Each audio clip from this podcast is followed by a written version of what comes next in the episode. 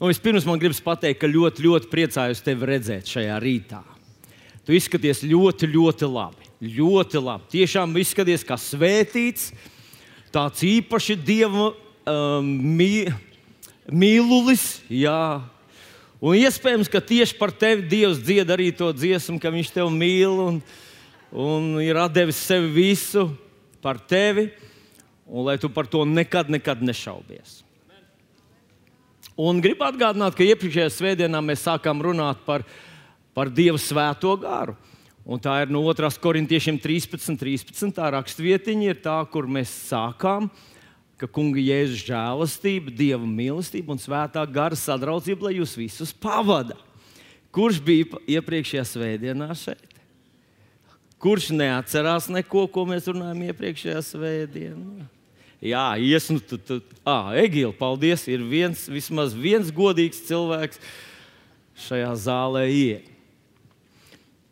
Nu, jā, tā, tas līgas vārds, ko viņi otro svētdienu mums pēc kārtas saka, ka Dieva vārdā ir jāpaliek, tas ir jāpielieto. Ir vitāli svarīgs tev, tieši tev. Tas nekas, ka tu noklausies šajā reizītē, bet ja tu tajā paliec, tas izmainīs tavu dzīvi. Un, ja tu tajā nepaliec, tad slikti. Gribu atgādināt trīs galvenos punktus, kas mums bija iepriekšējā svētdienā. Vispirms mēs iesākām ar to, ka svēto garu vajadzēja Jēzum, vai ne? Un mēs runājam par to, ka viņš atšķirās no mums radikāli, un tomēr viņš itin neko nevarēja darīt un nedarīja, kamēr nebija saņēmis svēto garu. Un mans secinājums bija, ja Jēzum to vajadzēja, to vajag arī man. Tālāk es atceros Jēzus vārdus, ka viņš teica, tas jums pat, un tad viņš iesāk tā, pat, tas, es jums saku patiesību. Tas jums par labu, ka es aizēju. Jo, ja es neaizietu, es paliktu ar jums, tad svētais gars neatnāktu. Un tad mēs secinājām, ka svētā gara kristība ir labāka nekā Jēzus mums blakus staigāt un labāk mums, jo svētais gars dzīvo mūsos. Un tad tas trešais punkts bija, ka katru reizi, kad Dievs iesvētīs savu nāmu, pārdabīgā, brīnumainā dieva uguns nokrita no debesīm, nokrita uz altāra. Un es zinu, ka nevienam nav šķiltavs līdzi šorīt, bet uh, es esmu redzējis tādu gleznu, kur tiek attēlot vasarsvētku. Uh, vasarsvētku tas notikums, un tad mākslinieks ir attēlojis katram tādu mazu uh, uh, šķiltavu liesmiņu virs galvas, ja, kā uguns mēlis. Bet uh, visur, kur mēs skatāmies iepriekš, tur rakstīts, ka uguns krita un aprija. Zināt, ko nozīmē aprija? Ko? Ir. Ugh, Dārvid, nu tev jānāk uz grēksūdzi. Tāda mākslinieks to attēlo tā, deg, deg, deg. Jā. Bet uh, Bībelē mēs lasījām, ka uh, tā uguns krita un aprīja uh, to upuri. Ja. Un tad priesteris šo svēto uguni uzturēja. Un ka tā uguns, kur tu saņem, iegūstot svētā gara kristību, ir pārdabīga, dievišķa. Bet uzturam to mēs ar tevi. Padodoties Dievam, meklējot viņu, viņa grib paklausot viņam un tā tālāk. Es atdošu tev atpakaļ, lai pēkšņi tev vajadzēs un nebūs.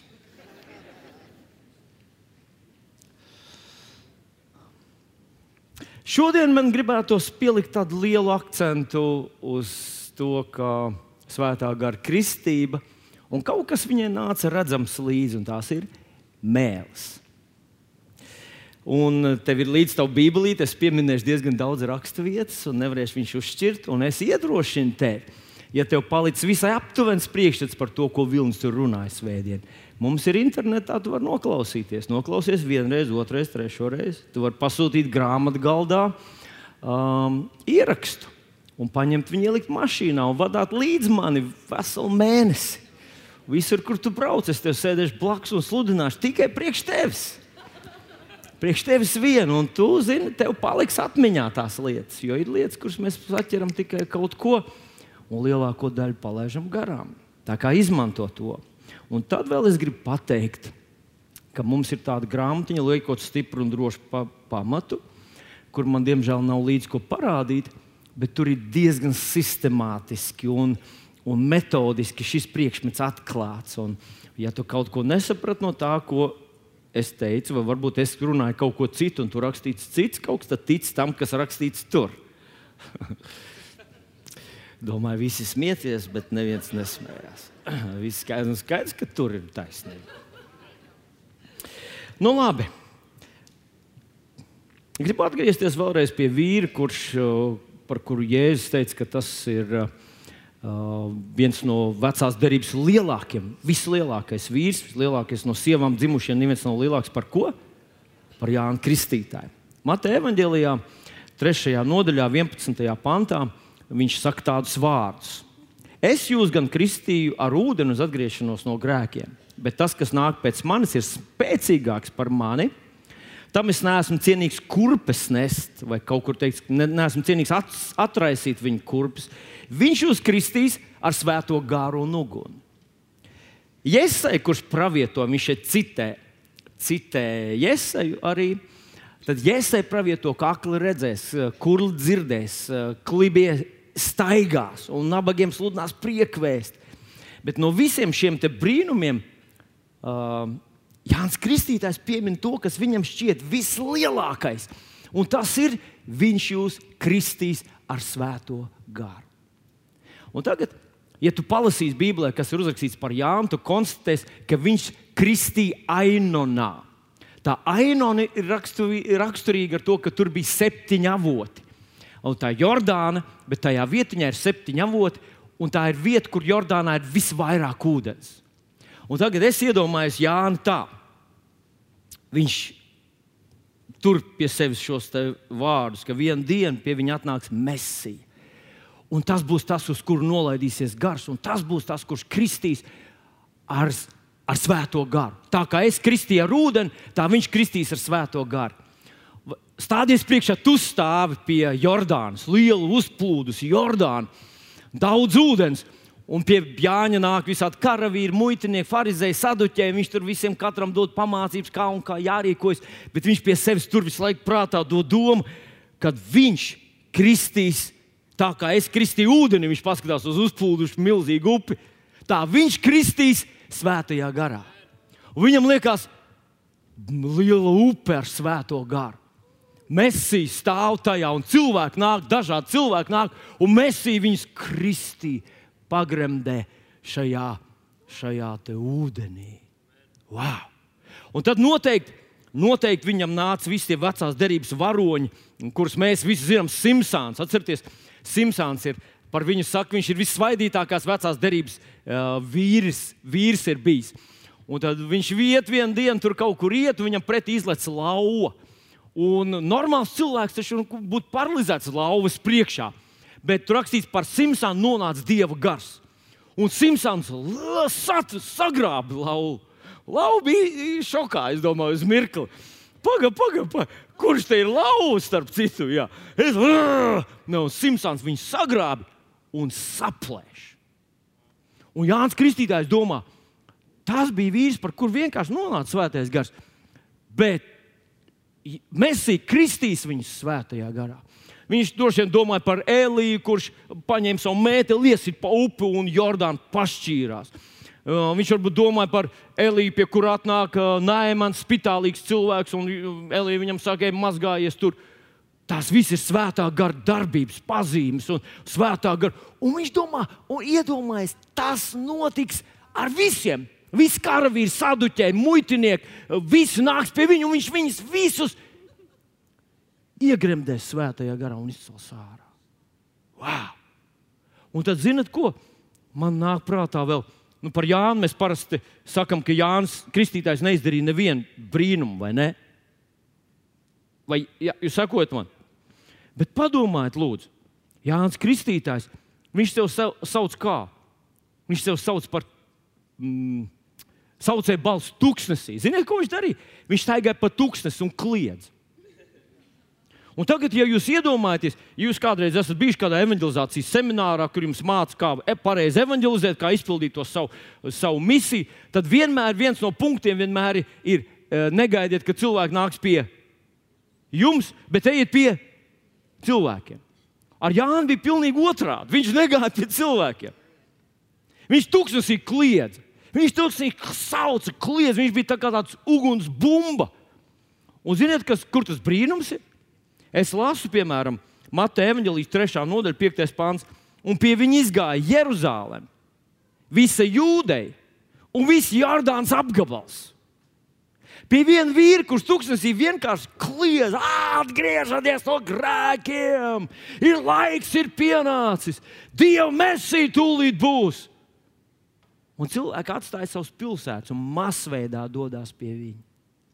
Un es domāju, wow, tas ir brīnums. Tas ir brīnums. Jo mēs visi zinām, ka jāiet pie cilvēkiem, ja tu gribi uh, viņus uzrunāt. Ar Jānu notika otrādi.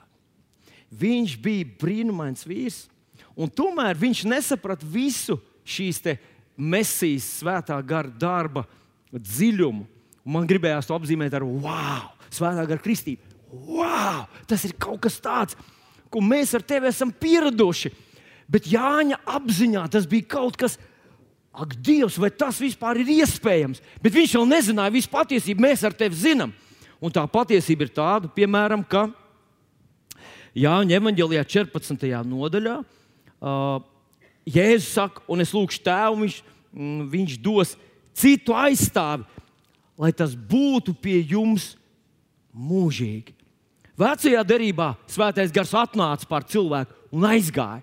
Arī par svaidīto Simpsonu svētais gars atnāca pār viņu, viņš saplēs to lauvu, un pēc tam svētais gars no viņa aizgāja. Šeit Jēzus sacīja, kas jaunajā derībā ir būtiska atšķirība. Viņš būs pie jums mūžīgi. Saka, mūžīgi. Ir tie brīži, kad tu jūti svēto garu, vai ne? Kad tu jūties svaidīts, jūti dievu tuvumu. Un ir brīži, kad tu nejūti neko. Ir brīži, kad tu sajūti, ka tu esi atstāts, pamests. Diez vai Dievs par kaut ko ir dusmīgs uz tevi. Bet arī tajos brīžos Viņš ir pie tevis. Un vēl vairāk, Viņš būs jūsos. Tātad svētais gars būs pie tevis mūžīgi. Un manā prātā vecās derības lūkšana, kur Dārvids lūdz, neatņem no manis savu svēto garu. Šādu lūgšanu lūgt jaunajā derībā ir nepareizi. Jo, ja es teicu, ka svētais gars nekad, nekad, nekad no tevis netiks atņemts, viņš būs ar tevi, lai tur vai kas tavā dzīvē notiktu. Un otra lieta, viņš būs jūsos. Viņš līdz šim bija pie jums, bet tagad būs jūsos. Vecajā derībā svētais gars darbojās pie cilvēkiem. Un viņš darbojas pie cilvēkiem arī jaunajā derībā. Patiesībā cilvēks nevar nākt pie Dieva, ja svētais gars viņu neuzrunā. Mūsu liecības vārdi, cik arī emocionāli un krāsaini, un cik, cik gudri tie arī nebūtu, ja svētais gars neuzrunā cilvēku, cilvēks nevar atnākt pie Dieva. Vienīgi Tēvs viņu velk caur svēto garu, tad viņš var atnākt. Bet tagad, kad jaunajā derībā esam pieņēmuši Jēzu par savu kungu un esam saņēmuši svētā gara kristību, viņš būs mūsos. Un tagad vēlreiz aiziet pie Jāņa. Viņš tur stāv pie milzīgas upes, un viņš saka, vienu dienu viņš tos cilvēkus pamērcēs svētajā garā. Bet Jēzus mums saka vēl vairāk. Viņš saka, es ne tikai jūs ie, iegremdēšu svētajā garā, es to upi ielikšu jūsos. Bet viņš pat neaprobežojas ar vienu upi. Paskaties, ko viņš saka Jānis 7,37. Ja kam slāpes, tas lai nāk pie manis un dzer, kas man tic, kā rakstos sacīts, no viņa miesas plūdīs dzīvā ūdens. Un mūsu bībelītes traumas, un mums dažreiz tas traumas asociējas ar visu kaut ko, un tāds traumīts ir. Bet angļu bībelē King James ir rakstīts upes. Citiem vārdiem, svētais gars, nu, ja mēs runājam par tādām nu, enerģijas upi, piemēram, tad tā nav viena Jordāna, tā nav liela, tā nav Daugava. Tas ir kaut kas tāds, un pie kam daudz skaitlī. Tāpēc tas svētā gara kristība tas ir kaut kas wow! Tas ir kaut kas vienreizējs. Un tāpēc jā, Jānis bija tāds satraukts. Viņš jūs kristīs svētajā garā. Halleluja! Halleluja! ja Viņš ir mūsos. Cik tas ir brīnišķīgi. Tam kaut ko vajadzētu mūsos ietekmēt un izmainīt. Un tad mēs nonākam pie otrā punkta, ko man gribētos šodien ar tevi.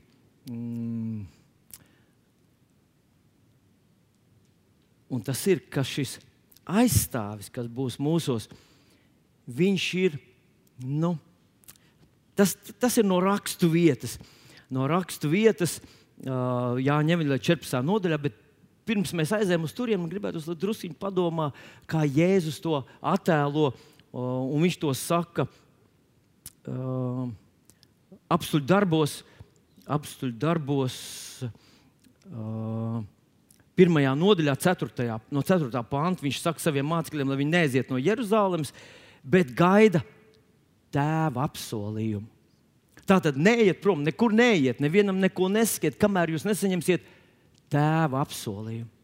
Un tas tēva apsolījums ir pilnīgi jauns koncepts. Līdz tam, līdz tam vienīgi Jēzus runāja par savu tēvu, bet šeit viņš runā, es ticu, viņš runā par vi, visu mūsu tēvu. Kopš viņa mēs arī esam kļuvuši par dēliem, mēs esam kļuvuši par Dieva bērniem. Un viņš saka, ka Tēvs ir kaut ko jums apsolījis.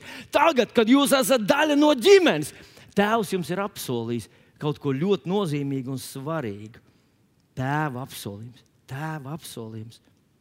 Es esmu uzaugusi pilnā ģimenē, un, un varbūt neesmu sajūta īsti, ko tas nozīmē, ka teicis pietrūkst. Bet es iedomājos tos cilvēkus, kas varbūt ir uzauguši nu, tādā nepilnā ģimenē.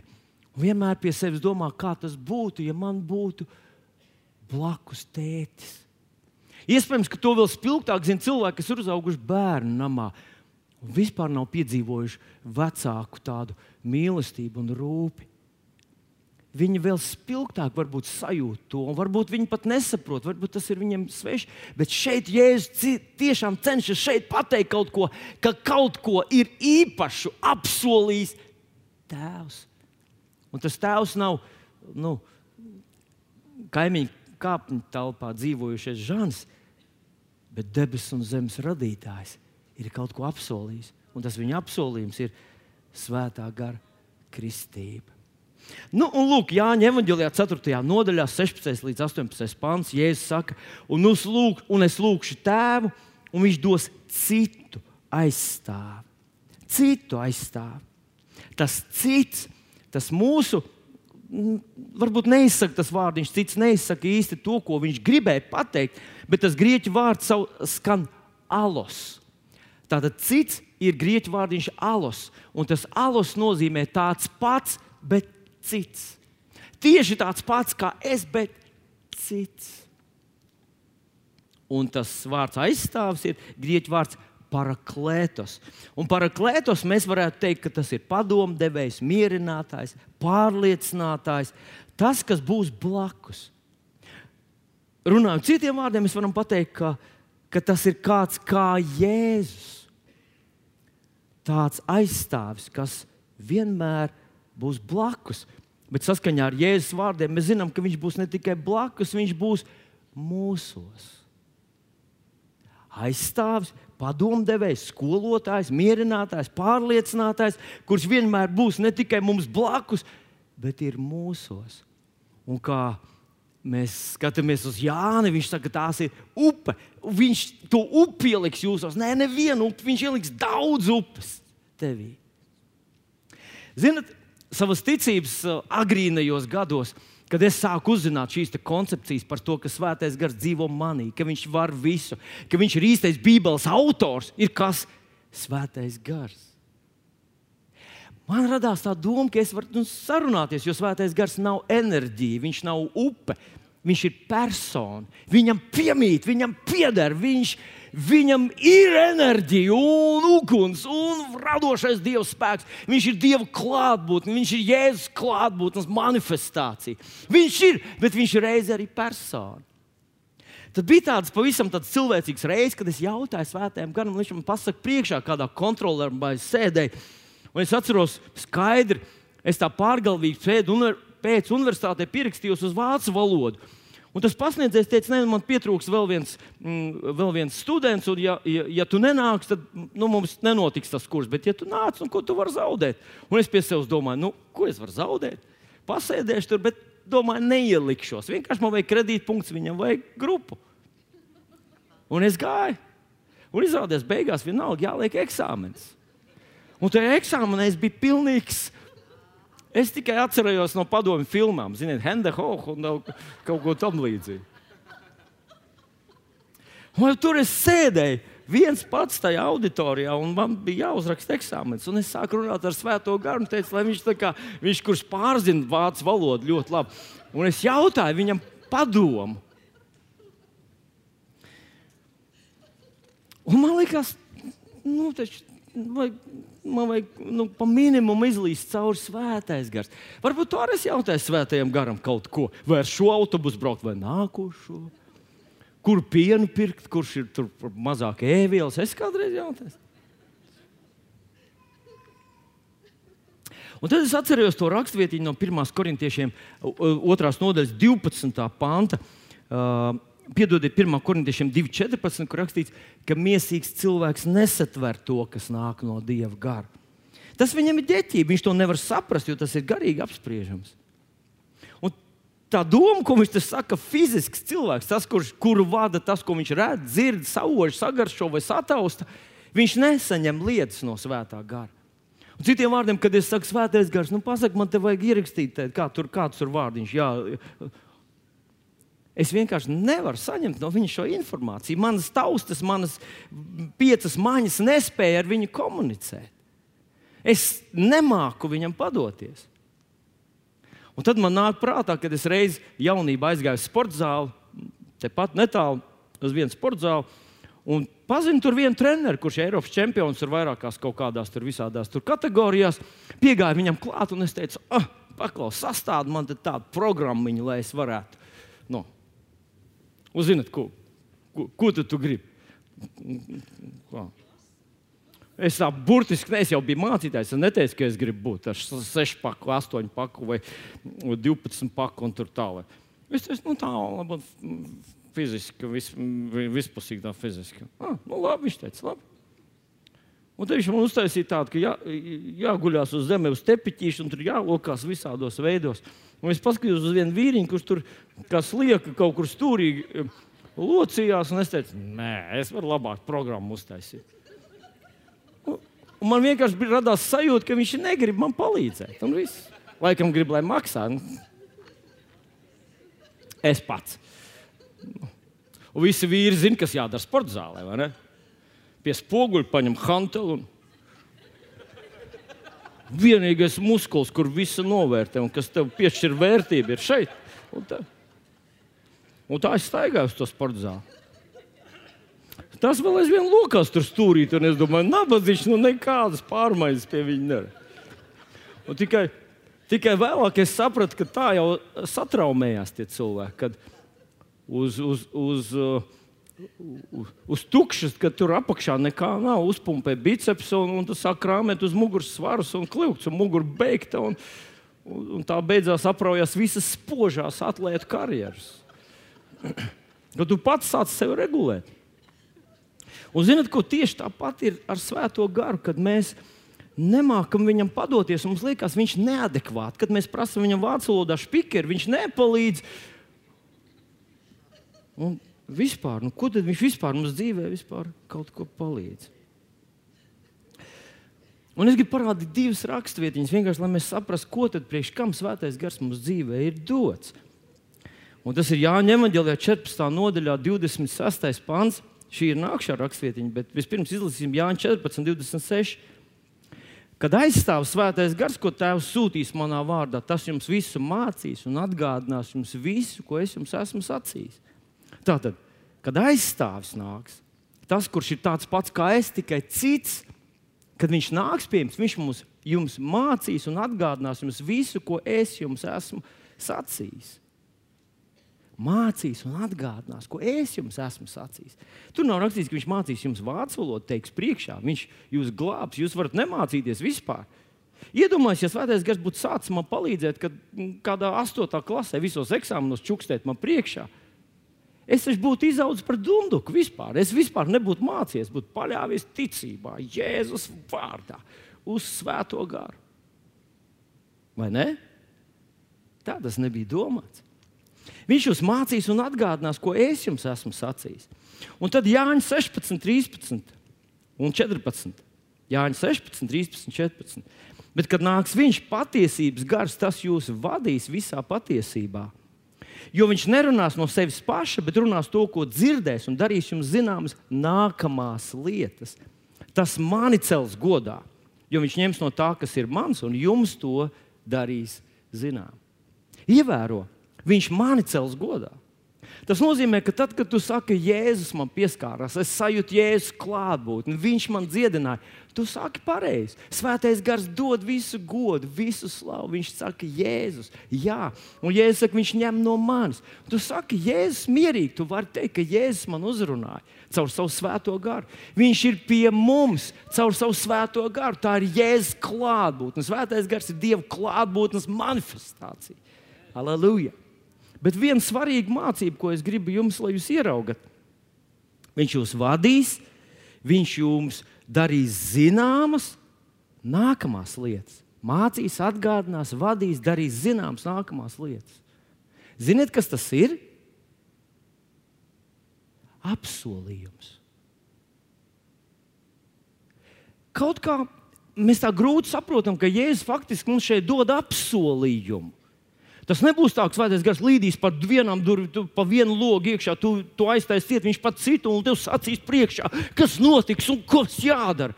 Nē, tas kā jebkurš cits apsolījums no Dieva vārda, mēs pieņemam to ticībā.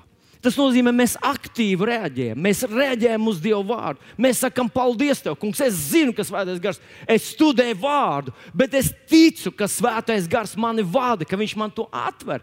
Īstenībā tu vārdu nesaproti, ja Svētais Gars tev to neatver. Tu vari sēdēt smalkākajā uh, reliģiskajā koledžā un sēdēt tur kā dunduks un zināt kaut kādu Augustīnu un svētā uh, zelta mutes citāts un neko nesaprast. Neko nesaprast nozīmē savā dzīvē, itin neko nelietot. Tu vari būt ar smalkiem citātiem, bet tava dzīve ir pilnīgi bez spēka un satura. Tā var būt. Jo svētais gars ir tas, kurš tevi ieved tajās patiesībās. Paskatieties, mīļie draugi! Svētais gars ir tas, kurš jums pateiks, darīs zināmas nākamās lietas. Lielākā daļa no Mums mēs to negaidām. Mēs gaidām to no cilvēkiem.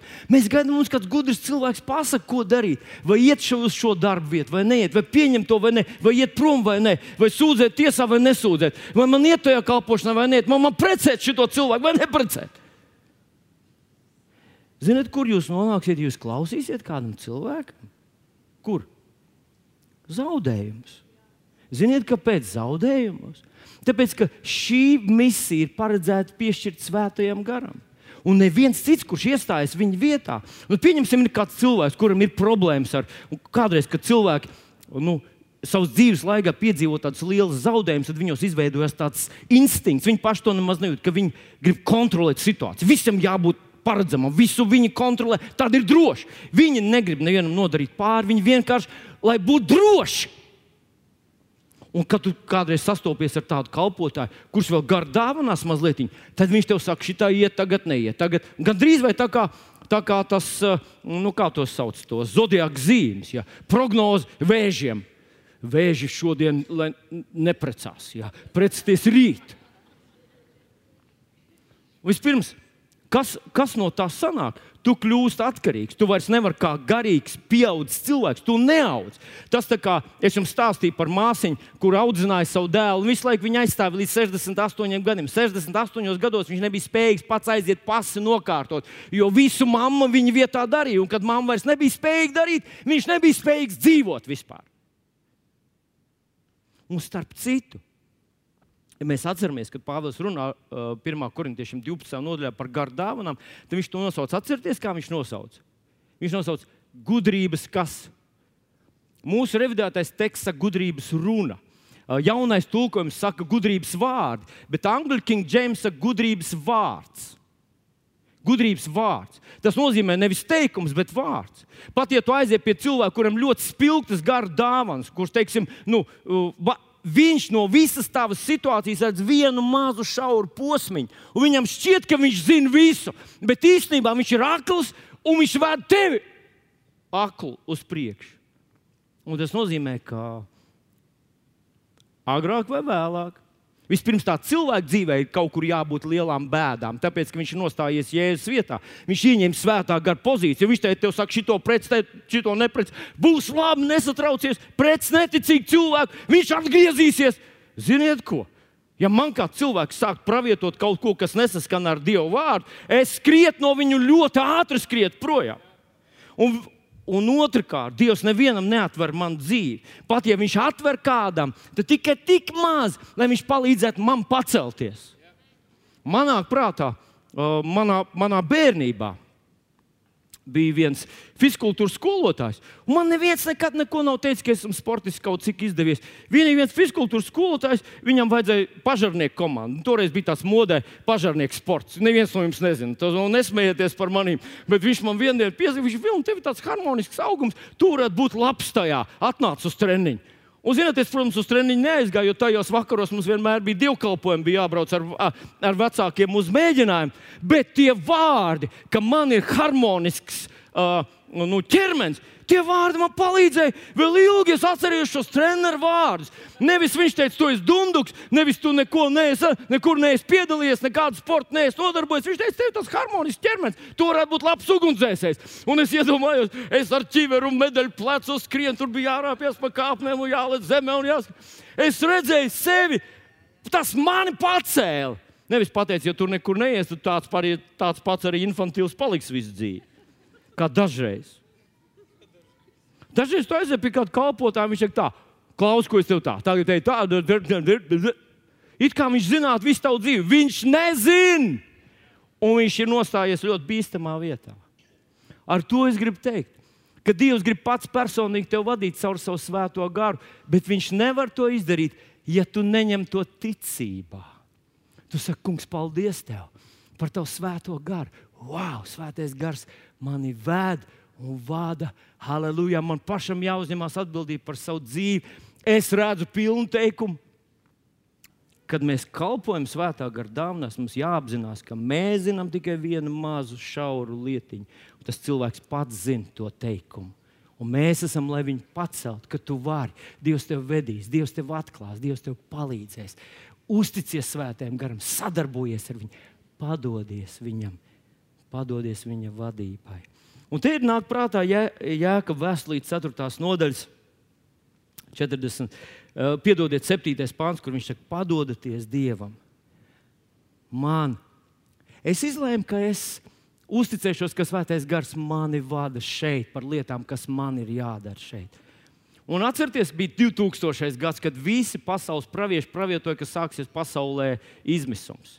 Vai zinat, es biju vienā mācītāja sajietā tajā laikā, Rīgā. Un viens no Latvijas tādiem ļoti populāriem, harizmātiskiem sludinātājiem stāstīja, kā te viss tagad bruks, un kā te viss, un ka viņa draudzē iz, izdalījuši kaut kādu atsevišķu budžetu, sapirkuši, lai nopirktu rīsus un, un visu kaut ko, jo te būs, būs mēmi vienkārši tā kā piektā gadā. Un tad es tur sēdēju, un es teicu viņam, zini ko, nebūs pilnīgi nekas. Man drusku jāpaceļ savus. Jo viņš nevienam to nestāsta. Man ir vienīgais, kurš to stāsta visiem. Nebūs pilnīgi nekas, un jums nav kur naudu likt, noziedojiet to mums. Un viņi noziedoja to mums pēc tam. Es saprotu, ka viņi laikam nenopirka tos rīsus, putrājumus un tā tālāk. Visus, jo, jo kad, tu, kad tu saki ticībā, ja, es ticu, ka ja tev ir kaut kas radikāls jādara, Dievs grib to pateikt tev pašam. Un man ir gadījies vēl paklausties, kad es kādam saku, tu zini, man tāds ir, ka tev jāiet prom no, no, no, no tā darba. Pēc diviem mēnešiem viņi satok, satiek un jautāja, nu, kā tur un ko, ko tu aizgāji. Viņš dzirdēja otrādi. Tu taču teici, lai es palieku. Kam ir taisnība? Viņam. Viņš redz visu teikumu, es redzu tikai mazu, mazu, mazu vārdiņu. Un tāpēc iedomāties, ka es zinu visu to situāciju, izprotu, kas viņam jārīkojas. Man ir jāpasaka to, ko es dzirdēju no Dieva gara, un jāpatur prātā, ka es nekad to neizdaru simtprocentīgi pareizi, ka vienmēr es kaut ko pieaugu no savas tās turklāt. Un tāpēc visur, kur Pāvils saka par praviešiem un pravietojumiem, viņš saka, viens lai runā, un citi lai ko dara. Ko dara? Pārspriež. Pārunājiet. Ja tas viss ir tīri, simtprocentīgi no svētā gara, kā jūs uzdrošināties kaut ko pārunāt, manas pravietojumus? Ak, Dievs, uzdrošinieties labāk, jo neviens nav simtprocentīgi tīrs tajā. Halleluja! Bet tā labā ziņa ir, ka Viņš mums devis savu patiesības garu, kas mūs vadīs, mācīs, atgādinās un darīs zināmas nākamās lietas. Darīs zināmas nākamās lietas, brīnišķīgs apsolījums un es gribu to pielietot savā dzīvē. Un kā tad mēs varam padoties uh, Dieva garam? Te ir tas, tas trešais punkts, kas šodien man pie kā es gribu arī druskuļi apstāties. Tas priekšmets ir šausmīgi liels, bet uh, es, nu, tāds apjomīgs, un mēs nepaspēsim visu, bet man ļoti gribas par to parunāt mazliet. Un es nosaucu to Dieva dāvanu, uh, eņģeļu valodu. Dieva dāvana. Dieva dāvana. Man nāk prātā kāds gadījums, kur mēs visi esam dzirdējuši, kādreiz, esot kādreiz viens no bagātākajiem arābu šeihiem, uzaicinājis pie sevis Tigeru Vudu. Tas ir uh, pasaules viens no, laikam, kādreiz bija tāds topa golfa spēlētājiem. Un teica, ka viņš gribētu uzspēlēt kopā ar vienu no pasaules spēcīgākajiem večiem.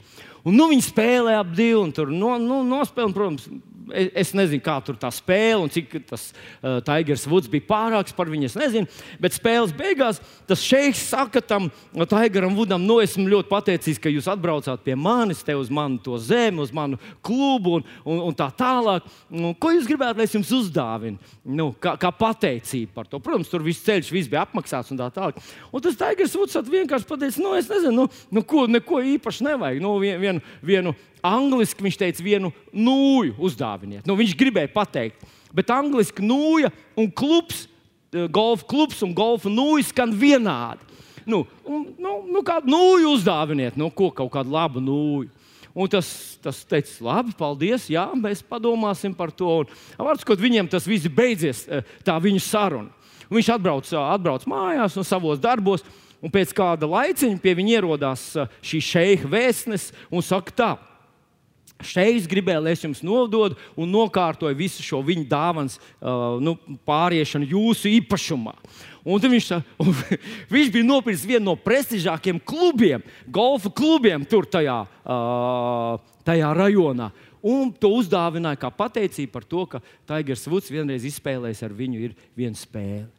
Un tad es domāju, uh, tieši tādu atmosfēru, tieši tādu sajūtu man gribētos, lai tu uh, uh, domā, ka tu runā par šīm svētā gara mēlēm. Svētā gara mēlēm tā ir Dieva dāvana. To nav bezpajumtnieks, uh, uh, vēlreiz teikšu, Žanis, ja, te uzdāvinājis, bet tas ir Dievs, kurš uzdāvinājis brīnumainu dāvanu, un tās ir mēls. Nu, paskatieties, Marka evanģēlijā 16. nodaļā, 17. pantā mēs lasām, bet šīs zīmes ticīgiem ies līdzi manā vārdā tie ļauns garus uh, izdzīs, jaunām mēlēm runās, neveseliem tie uzliks, uzliks rokas un tie kļūs veseli. Ievēro, tur ir starp brīnumainām, brīnumainām lietām ir pieminēts arī runās jaunām mēlēm. Tie ir Jēzus vārdi. Jēzus vārdi, ka ticīgie runās jaunām mēlēm.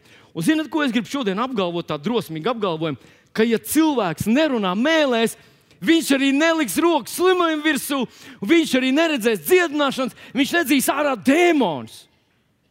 Un tā tālāk. Viņa dzīvē nebūs Dieva spēka, bet Dievs gribētu, lai mums mūsu dzīvē ir Dieva spēks. Un Viņš mums ir devis šo brīnišķīgo dāvanu, runāšanu mēlēs. Nu, pirmo reizi runāšana mēlēs notika apstuļu darbos otrajā nodaļā. Tur, kur vasaras svētku dienā viss tika piepildīts ar svēto garu un sāk runāt citādās mēlēs, kā gars tiem deva runāt. Ievēro, viņi runāja, bet gars deva kā izrunāt. Un tā ir vienīgā un pirmā reize, kad tas notika. Un vienīgā reize tādā ziņā, ka tur apkārt bija cilvēki no visas pasaules. Viņi klausījās, kā tie tur runāja svētajā garā. Viņi nebija tik samaitāti, kā mēs esam šodien. Mēs esam samaitāti tādā ziņā, ka, ja mēs nesaprotam, tad tas nav nekas saprotams. Ja mēs nezinām to, tad tas, tad tas nav nekas labs. Bet viņi tādi nebija. Viņi uzticējās daudz vairāk pārdabīgām lietām, dievu lietām, droši laida šīs mēlus. Un tur bija cilvēki, kas teica, mēs no visas pasaules esam sabraukuši un dzirdam viņus, kā viņi perfekti runā mūsu dažādajās, sarežģītajās, eksotiskajās valodās. Un tad Pēters viņam saka, viņi nav piedzērušies, bet viņi svētā gara pilni. Dievs izlaiž savu garu par cilvēkiem. Tā bija pirmā reize. Tad vēlāk mēs lasām pirmo reizi Kornelija namā, kad svētais gars nonāca par pagāniem. Un ka Pēterim, Pēterim vēl runājot, svētais gars nonāca par visiem, kas viņu vārdu dzirdēja. Un tie ticīgie, tie domāti jūdi, redzēja un izbijās, ka svētā gara dāvana bija izlieta arī par pagāniem, jo viņi tos dzirdēja, run, mēlēs runājumu un dievu teicam mēlēs runājam, Dievu teicam. Tad mēs varam lasīt tālāk, apstuļu darbos, 19. nodaļā par notikumiem Evezā, ka tie 12 vīri, kas nebija dzirdējuši, ka vispār svētais gars tāds vispār ir. Un Pēters atnāk, Pāvils atnāk, pastāst viņam, uzliek rokas, viņš lūdz par viņiem, un viņi sāk runāt mēlēs. Brīnumaini glābti cilvēki, tie, kas bija jau pieņēmuši Jēzu Kristu par savu kungu. Un kādreiz cilvēki jautā, vai cilvēks, kurš nav saņēmis svētā gara kristību, vai viņš ir glābts? Vai viņš iet uz debesīm, ja viņš, aiz, ja viņš nomirs te un tagad? Vai cilvēks, kurš nav pieņēmis svētā gara kristību, nerunā mēlēs, vai viņš iet uz debesīm? Un atbildi ir jā, viņš ir glābts. Un patiesībā cilvēks, kurš nav saņēmis svētā gara kristību un nerunā mēlēs, viņš nonāks debesīs ātrāk nekā, ja viņš būtu saņēmis svēto garu, runāt mēlēs, jo vienkārši viņa dzīvē nebūs spēka, ko stāvēt pretī visos tajos izaicinājumu brīžos. Viņa svētais gars nevarēs vadīt. Nu, protams,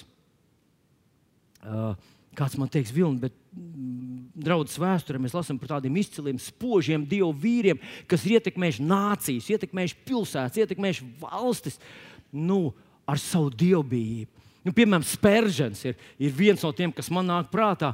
Tad zināt, ka interesanti, ka Spēržens runā par diviem žēlastības piedzīvojumiem. Pirmā, kad viņš saņēma glābšanu, tas bija viņa dzīvē ļoti spilgti un ļoti nozīmīgi. Bet viņš runā par vēl vienu žēlastības piedzīvojumu, vēl kaut kādu īpašu satikšanos ar Dievu, kas izmainīja viņa dzīvi. Un jā, bija tāds laiks, kad cilvēki vispār bija pazaudējuši atklāsmi par svēto garu un svētā gara kristību. Bet lielākā daļa no tiem, kas tiešām ietekmē nācijas, kas kalpoja spēkā. Ziniet, ko? Par viņiem stāsta interesantas lietas. Vispirms viņi visi runā par vēl otru piedzīvojumu pēc glābšanas, tādu spilgtu, radikālu piedzīvojumu. Viņi to nesauc par svētā gara kristību, viņi to sauc par sastapšanos ar Dievu. Un ziniet, ko vēl stāsta? Ka viņiem visiem bija slepenā kaut kāda lūkšana istaba kurā tie, kas viņiem tuvāk bija dzirdējuši, ka viņi tur kaut kādās nesaprotamās, kaut kādās viņam viens zināmās, kaut kādās tādās, nu, uh, Dāvid, paldies! Jā. Kaut kādās mēlēs runā. Un starp citu, to dzird arī par dažiem izciliem, ļoti izciliem, izciliem jūdeismu rabīniem, ka viņiem ir bijusi tā viņa slepenā lūkšana dzīve, kurā viņi ir runājuši kaut kādā tādā, ko apkārtēji nav sapratuši. Un tie domāja, ka nu, viņš laikam ir tik ļoti avansēts, tik ļoti tur un tā tālāk, ka, ir, nu, ka viņam ir īpaša saikne ar debesīm. Un es domāju, ka tas nav nekas cits, kā cilvēks pakluso bija pieņēmis Jēzu par savu kungu, viņš saņem svētā gara kristību, tā kā apelsīns Pēters, Jānis un viss tā tālāk. Un apstākļi spiest viņu to klusu darīt, bet darīja. Jo mēs redzam, ka tas ir vienīgais veids, kā mēs varam tiešām padoties Dievam. Un apelsīns Pāvils mums saka, ka viņš vairāk kā visi citi runā mēlēs.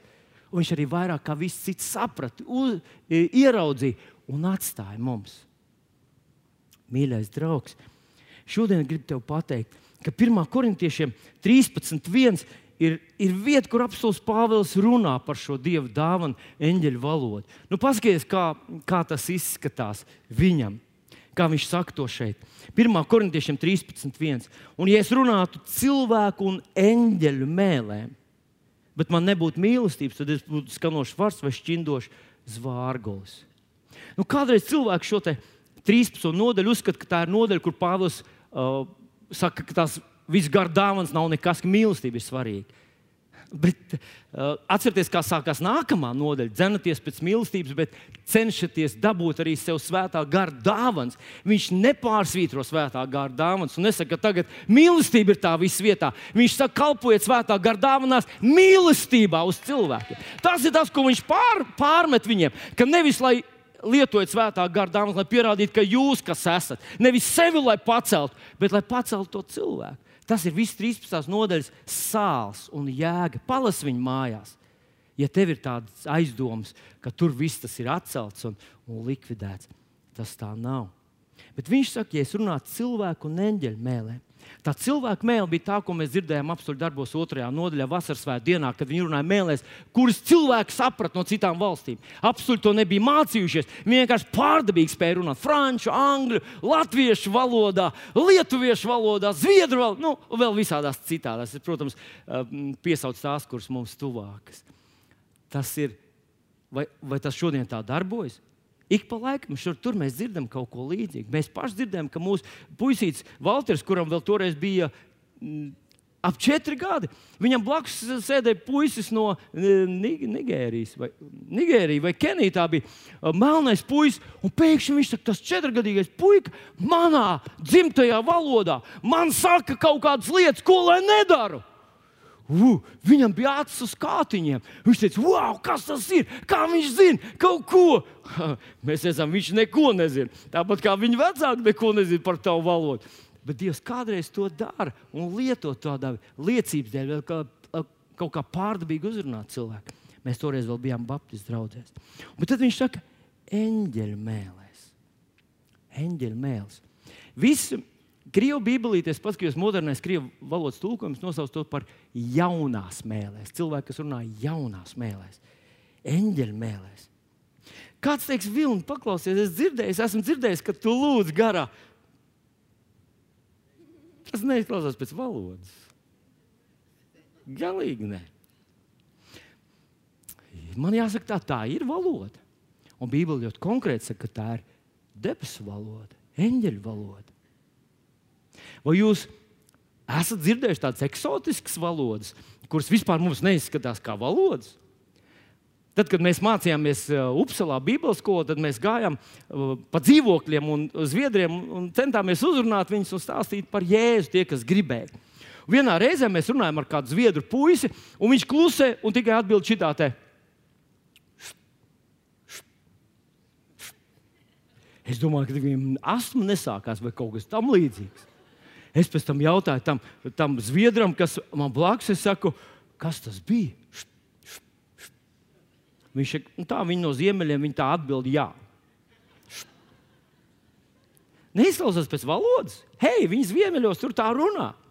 Un tad ir tādas valodas, kuras eh, izklausās tikai no klikšķiem un svilpiem. Tā, apmēram tā.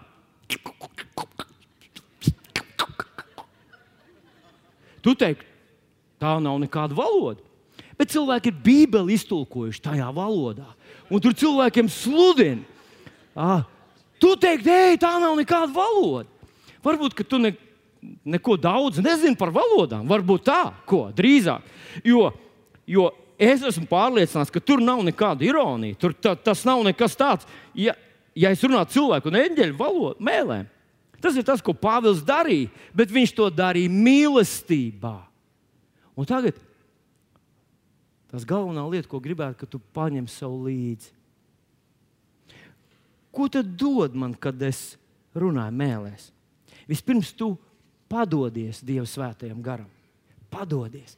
Tas tā kā es būtu aizgājis uz to zāli un būtu padavies tam trenerim. Treneris iespējams, ka būtu palīdzējis man sakārtot visus manus tos dziļos muskuļus. Un tad vienā dienā būtu teicis, nu tagad tu vari biceps pastrādāt, ja tu gribi.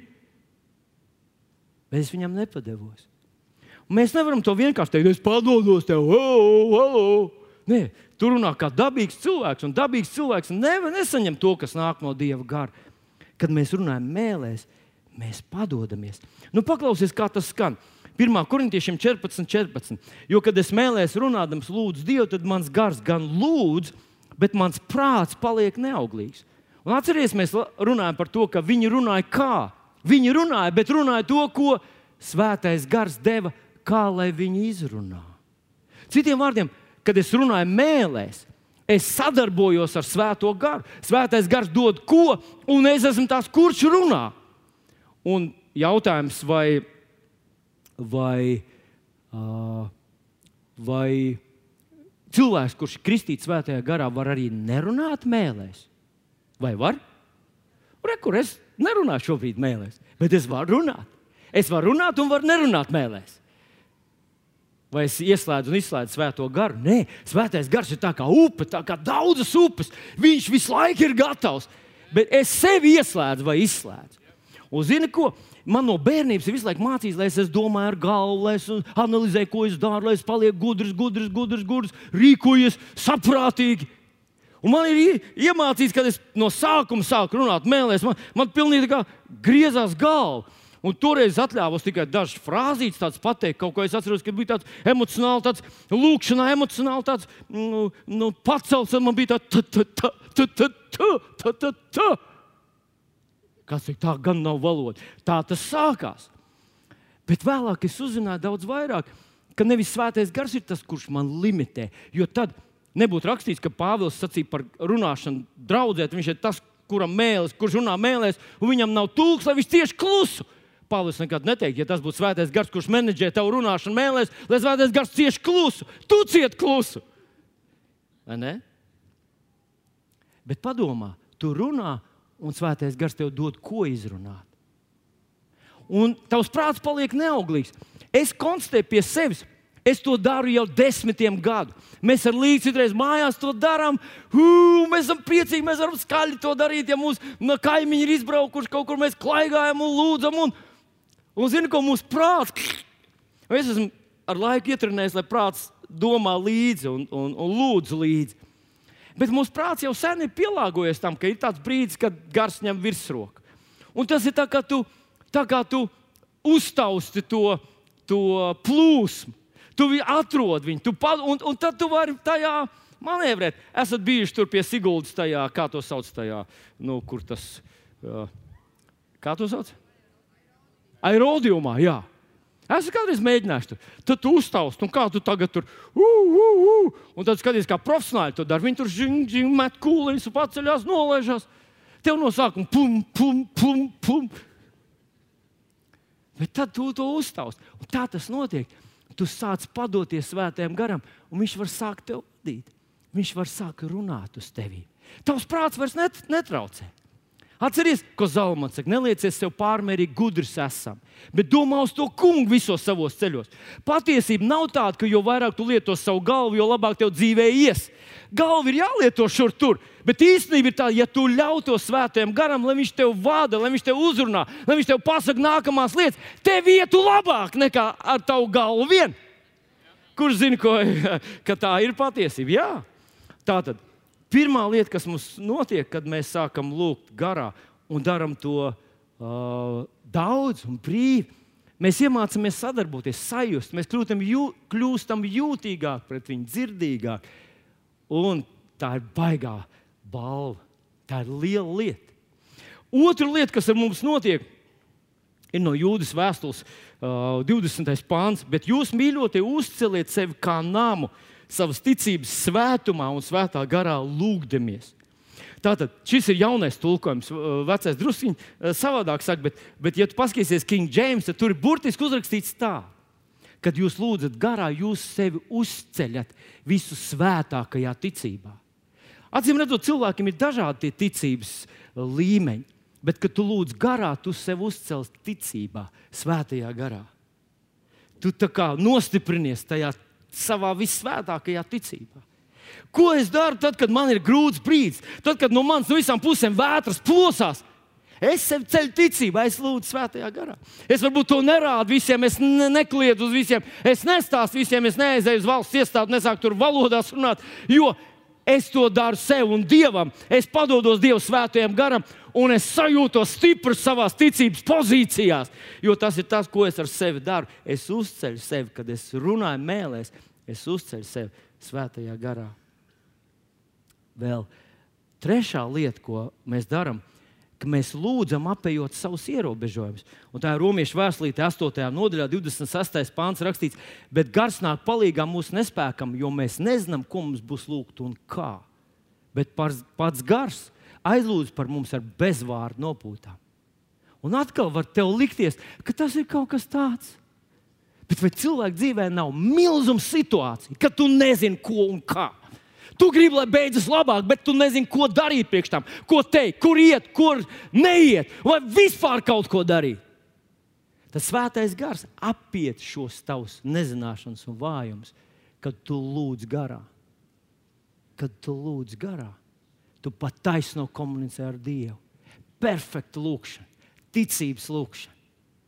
Un es esmu piedzīvojis, ka tas vienkārši vienkārši viss izmaina visu situāciju. Ja tā vētra plosās, tad tu pielūdz Dievu un tu ļaujies tam. Un ar laiku tu sajūtīsi, ka svētais gars tev vada nopūtās un vaidos. Un brīžiem tas ir karavīgi, brīžiem tas ir mierīgi, ka tā ir vesela pasaule, tā ir vesela valoda, eņģeļa valoda un tu tajā dzīvo, un tas palīdz tev dzīvot. Tu neesi, kā lai pasakā, tas ir milzīgs, milzīgs resurss kas tavā dzīvē plūst, paceļ tevi, nostiprina tevi. Un tu vari atbild, saņemt atbildes, kuras, ja tu lietot savu galvu tikai savā lūkšanā, tu vienu un to pašu varētu vervelēt atkal un atkal un atkal. Un tas nav gudri to darīt, jo ne jau no tā, ka tu dievam apniks ar savu runāšanu, viņš tev atbildēs. Un tad pēdējā lieta ir ļoti svarīga. Un tā ir, tad, kad mēs lūdzam garām, mēs uzzinām, noslēpums. Nu, paklausīs 1. korintiešiem 14, 1, 2. Tā, kur, kur viņš runā pēc 13. nodaļas, viņš runā par garu dāvanām. Dzenieties pēc mīlestības, tiecieties pēc garu dāvanām, sevišķi, lai jūs varētu pravietot. Jo kas mēlēs runāt, tas runā cilvēkiem, bet dievam, jo neviens nesaprot, ko viņš, jo neviens nesaprot. Viņš garā runā noslēpums. Viņš garā runā noslēpums. Kādreiz, kad es biju jauns, es domāju, ka mēs izstāstām dievam noslēpumus. Bet tas būtu absolūti bezjēdzīgi nodarbošanās, jo Dievs zina uh, mūsu piecelšanos no, no, un, un, un apsēšanos. Viņš zina no paša sākuma, viņš zina visas beigas. Ziniet, ko mēs runājam, kad mēs garā lūdzam? Mēs runājam tos noslēpumus, kas mums ir vajadzīgi, kas priekš mums ir noslēpumi. Svētais gars, svētais gars dod tavam garam un tu runā tos noslēpumus. Un te ir tā vieta, kur vienīgā problēma ir tajā, ka tavs prāts ir neauglīgs. Bet, ja tu saki, Dievs, Tēvs, es pateicos par tulku, ka es varu saprast, ko, kas ir tas, ko Svētais Gars šobrīd saka man. Un ļauj man pateikt, tev, ka tie noslēpumi, uz kuriem tev vajag atbildes, tie, kurus tu nezini, kur tu meklē, kas izmainītu tavu dzīvi, varbūt tu rīkotos pareizi, un tad tu darītu to no visas Viņi nav kaut kur apkārt. Tev nav jāiet pēc šiem atbildēm pie kāda cilvēka. Viņi ir tevī, viņi ir tavā garā, kad tu lūdz šajā svētajā garā. Tie ir noslēpumi. Man ir bijis tā, ka es lūdzu garā, un es, es, es varu lūgt garā stundu, divas, trīs. Nu, tas laiks briesmīgi ātri paiet, kad tu lūdz garā. Un pēkšņi es dzirdu, ka, ka ka paralēli ar lūkšanu garā es to nepārtraucu, ka man nāk informācija. Man nāk kaut kas tāds, kas man, man, man atbild uz manu vajadzību, vai man pasaka par kaut kādām nākamajām lietām, vai pravietojumu, vai kaut kas tāds, kas ir vitāli nepieciešams un svarīgs man šeit tagad. Un, ziniet, es jums pastāstīšu tādu vienu, varbūt nevisai, nevisai varbūt spilgtu gadījumu, tādā, tādā liecības, bet man tas bija ļoti nozīmīgs. Es savā laikā man gadījās nonācām vienā konflikta situācijā ar, vien, ar vieniem cilvēkiem, īpašuma iegādes uh, uh, darījumā. Un tagad mēs esam tiesā, un, un, un tiesas process velkās gadiem un gadiem. Un vienā dienā viņš, tas, tas, tas, ar ko mums ir tas strīds, saka, ka te vajadzētu parunāt ar manu advokātu. Un es saku, labi, un mēs satikāmies tādā, kur daudz cilvēku, tādā publiskā vietā. Mēs satikāmies, sēdējām, un pēkšņi tā sieviete sāka bļaut uz mani. Kliegt skaļā balsī, tur visapkārt cilvēki. Viņi kliedz uz mani. Visādus vārdus lietot, tur tu esi tas pēdējais noziedznieks, zaglis un krāpnieks, un tur šitāds un tāds. Un viņi kliedz. Es domāju, vai viņi sajūta prātā, nu, pat apsēdās un sajūta prātā, kas ir. Nu, domāju, nu, nu, pat ja viņi ir dusmīgi, nu, kā cilvēks tā nedara. Nu, es viņu pirmo reizi dzīvē redzu. Un tas vilkās nu, minūtes 20. Jau likās, jau pasaules gals jau ir. Viņi kliedz un kliedz apsaukām visādos vārdos.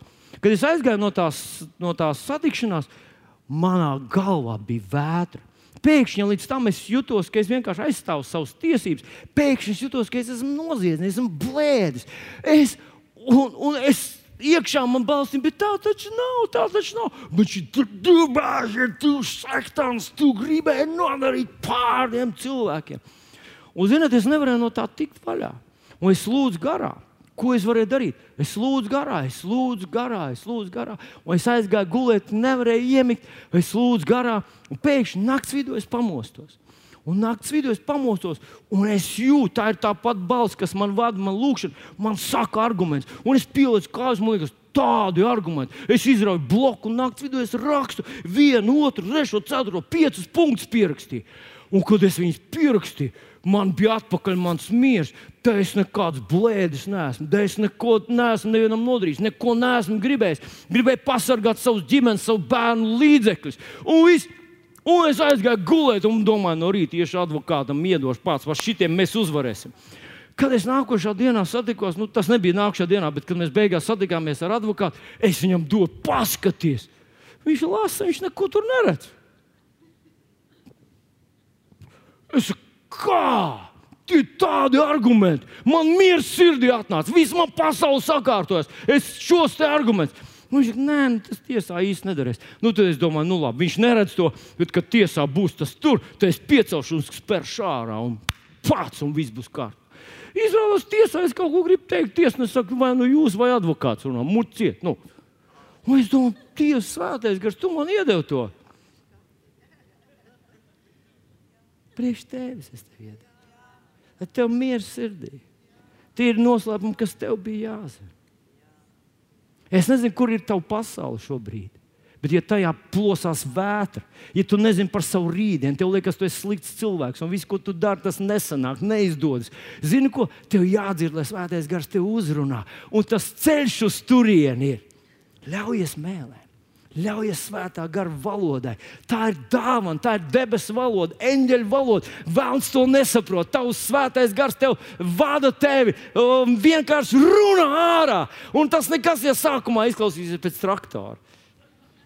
Es dzirdēju, viens mācītājs arī iesākt to brrr, brrr, brrr. Viņš Bet vēlāk tas attīstījās. Es zinu, paklausies, kā man nu, nu, Dārvids Stefānija kā runā. Viņa Latviju nesaprot angļu valodu vai, vai, vai afrikāņu valodu. Bet, bet uh, pagaidiet, druskuļi drīz sāks runāt. Mama, tēta, ops, ops un, un, un, un tā tālāk. Jēzus vārdā. Tā ir milzīgi dārga dāvana. Dieva svētā gara mēls. Un tā, mīļie draugi, svētā, svētā gara kristība ir kaut kas wow. Ja es teicu, kāds cits aizstāvs, kā es, viņš būs pie jums un būs jūsos. Un tā trešā lietiņa - Dieva dāvana. Dieva dāvana. Tavs mēlis ir Dieva dāvana. Nevelti vēlams viņus tik ļoti ienīst. Nevelti visi, ja tev kaut kur padzirdēs, ka tu esi starp mēlēs runātājiem, vai ieniņ, tas sliktāk vēl kā desmit to dot. jā, jā, jā, bet tas ir, tas ir tāpēc, ka vēlams saprot, ka viņam tur nav nekādas pieejas. Un ka tu padodies Dieva svētajam garam, un viņš var tevi vadīt, runāt. Halleluja! Mēs um, lūgsim par svētā gara kristību tiem, kas to nav saņēmuši. Kā tu saņem svētā gara kristību? Tieši tāpat kā tu saņem pestīšanu. Tu vienkārši uzticies Dieva vārdam un pieņem to. Un tad, kad tu pieņem svētā gara kristību, tādu tu vienkārši sāc runāt mēlēs. Tas varētu nākt varbūt drusku vēlāk, varbūt, bet, bet uh, tu sāc to, tu to dari. Un tas svētais gars dos, kā, kā to izrunāt. Ja tu esi apbēdinājis Dievu svēto garu, varbūt es, esi novirzījies varbūt es noniecinājis to, un tu, uh, es pazaudēju šīs mēlēs. Man tā bija. Es augu tādā vidē, kurā visu laiku runāju ar vaidieniņu, vaidieniņu, tur var kaut kas slikts būt, tas var kaut kas vaidieniņu, tur nesaprot, kas tas ir. Tas ir labāk atturēties. Un tad es pazaudēju bet es atgūstu to atpakaļ. Svētais gars nav tevi atstājis, nav aizgājis no tevis prom. Viņš būs pie tevis mūžīgi. Tev vienkārši atkal pazemīgi tas jāpieņem atpakaļ. Un tas svētīs tevi un vadīs tevi.